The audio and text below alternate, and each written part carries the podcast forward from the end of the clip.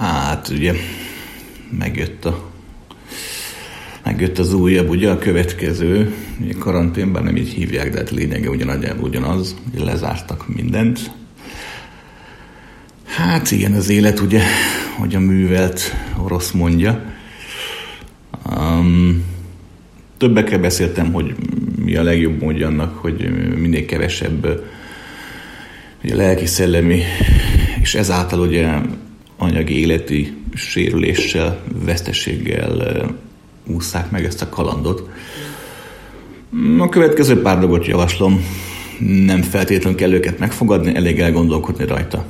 És aztán lehet, hogy sokkal jobban is jársz, hogyha nem követed azt, amit mondok, hanem saját magad találod ki mind azt a lehetőséget és azt a megoldást, ami a számodra és a családod meg a barátaid számára lesz legtökéletesebb. Először is meg kell érteni, hogy ilyenkor, amikor egy állandó, nehezen kézzel fogható, nehezen megfogható feszültség leng be egy embert, egy csoportot, vagy főleg egy társadalmat, akkor, akkor azt nem könnyű kezelni.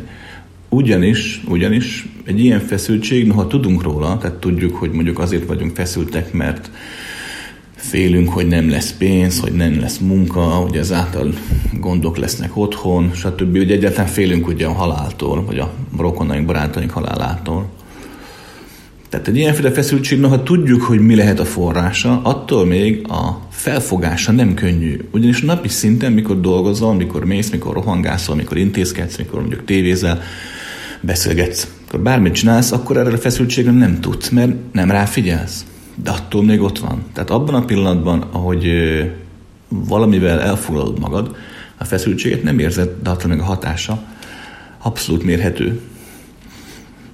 Épp ezért, amikor egy alapvetően egy ilyen, egy ilyen feszültség rezgésben, feszültség hullámzásban létező ember, amikor alapvetően kap egy kézzel fogható feszültség lökést, hangosan hallgatja a szomszéd a zenét, rádudált valaki az utcán, lejtette a párod a húslevest, szóval mit tudom én. Tehát amikor valami történik, amit amúgy is úgymond természetesnek gondolod azt, hogy ideges leszel, akkor egy ilyen alapvetően feszült helyzetben sokkal nagyobb, sokkal elsöprőbb erejű, és sokkal pusztítóbb kirohanásra vagyok képesek. Következőt javaslom. Mindig tarts szem előtt, amikor éppen valakire dühös vagy, valakire haragszol, hogy biztosan igazad van, de biztosan neki is. Tehát a saját maga szemszögéből mindig mindenkinek igaza van. Nincs értelme ilyenkor feltétlenül győzködni a másikat, nincs értelme az üvöltözésnek sem, vagy ha mégis megtörténik, semmi baj nincsen, vedd észre, és próbál minél előbb megnyugodni, bocsánatot kérni. A bocsánatkérés nagyon fontos, nagyon jó dolog rászokni.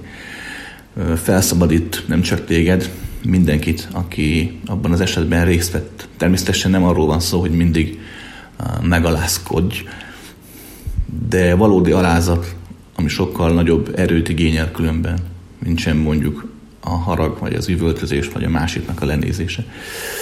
Tehát a valódi alázat, az, az, ha az megjelenik, akkor az nagyon segít abban, hogy épp lélekkel vészád át ez egy hónapot, és hogy a felesleges bántásokkal ne tegy tönkre mások és a magad életét. Épp most beszéltem egy barátommal, és neki a párjával, pontos a párjával nem csak hallottam, hogy a párja is hallja, hogy mi beszélünk, tehát ott volt. És lényeg, lényeg, mind fertőzöttek lettek, és feltehetőleg, ugye otthon vannak már négy-öt napja, és ugye feltehetőleg a lányzó hozta haza a fertőzést, mert ugye a fiú egy kicsit, ö, hogy is fogalmazza, kicsit hipohander, és ezért nem nagyon ment emberek közé. És már semmi komi bajuk nincsen, tehát Isten igazából otthon ülnek, és nem könnyen átvészelik ezt az egész folyamatot, a betegség részét, különösebb, nagyobb tünetek nélkül, attól a lelki részét nem tudják átvészelni, és már napok óta ölik egymást. Feltehetőleg a kapcsolatuk nagyon komolyan meg fogna sínyleni, akár még a kapcsolat rovására is mehet az, hogy, hogy nem tudják kezelni a helyzetet. Emberek értsétek meg a következőt. A dühöt, a haragot, a félelmet, a szorongást, az érzéseket úgymond nem nagyon lehet kezelni. Természetesen vannak rá lehetőség, vannak rá módszerek, hogy az ember megtanulja, hogy valamilyen szinten kordában tartsa az érzéseit, de csak annak fontos és annak lényeges, akinek az érzelmei már túlságosan erősek, de túlságosan nagy erővel robbannak ki, és túlságosan gyakran. Neki igenis az ilyen szélsőséges estekben meg kell tanulni valamilyen technikát arra, mindegy, hogy egy szakembertől, mindegy, hogy egy mestertől, hogy az érzelmeit kézben tudja tartani, de az nem azt jelenti, hogy meg fogja őket tanulni, hogy ne legyenek ilyen romboló érzelmei. Mindig lesznek, csak gyorsabban elkapja őket, amikor kirobbannak majd belőle.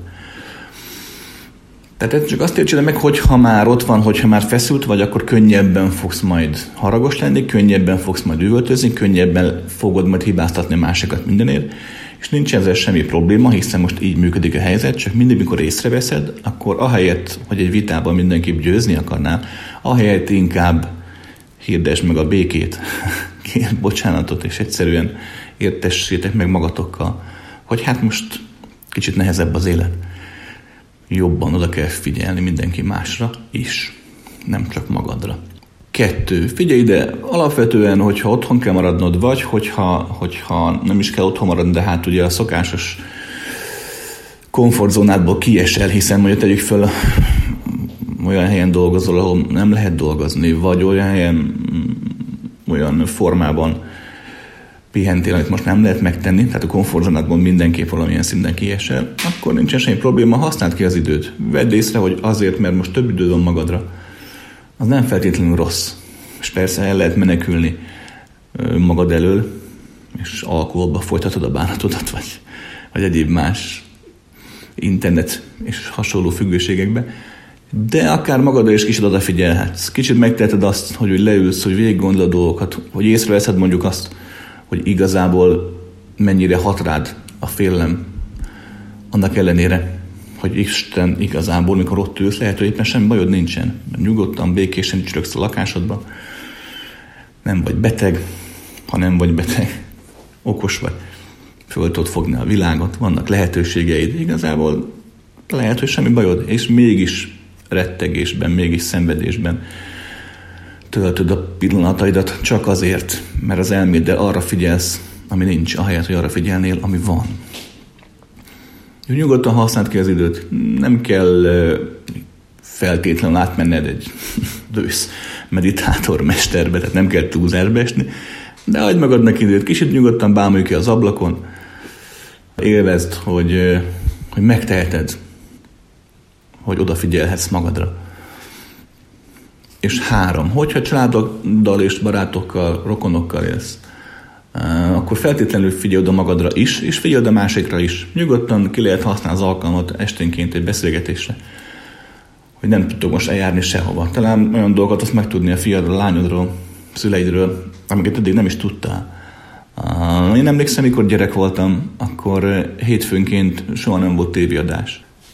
Sőt, arra is emlékszem, hogy olyan is volt, hogy egy bizonyos napon egy-egy pár, rövid idő, pár óráig nem volt áram, tehát abszolút sötétbe ült mindenki gyertyával. És nagyon jó kis beszélgetések voltak, így ilyen tévémentes gyertyás ücsörgésnél. Volt benne valami kellemesen uh, családias. Természetesen ott akkor nem tudtuk értékelni, senki sem tudta. De utólag, utólag azért nagyon sokaktól hallottam vissza, még gyerekkoromban is, aztán később felnőttként is, hogy mennyire közel tudtak kerülni ilyenkor az emberek. Valahol például, Monika példánál, valahol a sötét is, ugye nézőpont kérdése, lehet romantikus, hangulatos is az éjszaka, nem kell feltétlenül félelmetesnek lenni. Úgyhogy igen, lehet, hogy első pillanatra rémisztőnek hangzik, hogy a világ, a világod ugye megint bezáródik és hogy igen, olyan nehézségekkel kell szembenézni, amit lehetséges így ránézésre. Lehet, hogy nem fogsz tudni megoldani. Vagy ha meg is oldod, nagyon komoly erőfeszítések árán. De hogyha képes vagy arra, hogy egy másik szemszögből, kicsit emelkedettebb szemszögből figyeld az eseményeket, akkor akár még tartalmas és kijöhetsz belőle. Teljesen egyértelmű, hogy ugye pofázni könnyű. Azért csinálom, mert fekve is lehet, tudod. Tehát teljesen egyértelmű, hogy, hogy a gyakorlat sokkal nehezebb lesz. De gondolj arra, hogy nem véletlenül élsz. Mindegy, hogy materialista gondolkodásmódú vagy, vagy spirituálisabb beállítottságú. A lényeg a lényeg, hogy a tények azt mutatják, hogy te olyan különleges, egyedi egyén vagy, még akkor is, ha ennek nem vagy tudatában, még akkor is, ha mások sincsnek a tudatában. Tehát olyan különleges, egyedi egyén vagy, amiből még egy nincs. Tehát mindaz, amit te elő tudsz hozni magadból, a lelkedből, az egy olyan esemény, egy olyan termék, egy olyan művészet, egy bármi lehet, bármi lehet egy olyan valami, ami különleges. Tehát, hogyha meg tudod tenni, hogy az első, második vagy a harmadik félelem hullám után veszed nagy levegőt, kicsit odafigyelsz magadra, és hagyod, hogy előjöjjön mindaz, amit a félelem és a aggodalom mögött alatt van, akkor az is lehetséges, hogy majd évekkel később, mikor visszaemlékszünk erre az egészre, úgy fogjuk emlegetni majd ezt a pár hetet, hónapot, hogy talán kaptunk tőle valamit, mindazon túl, amit elvett.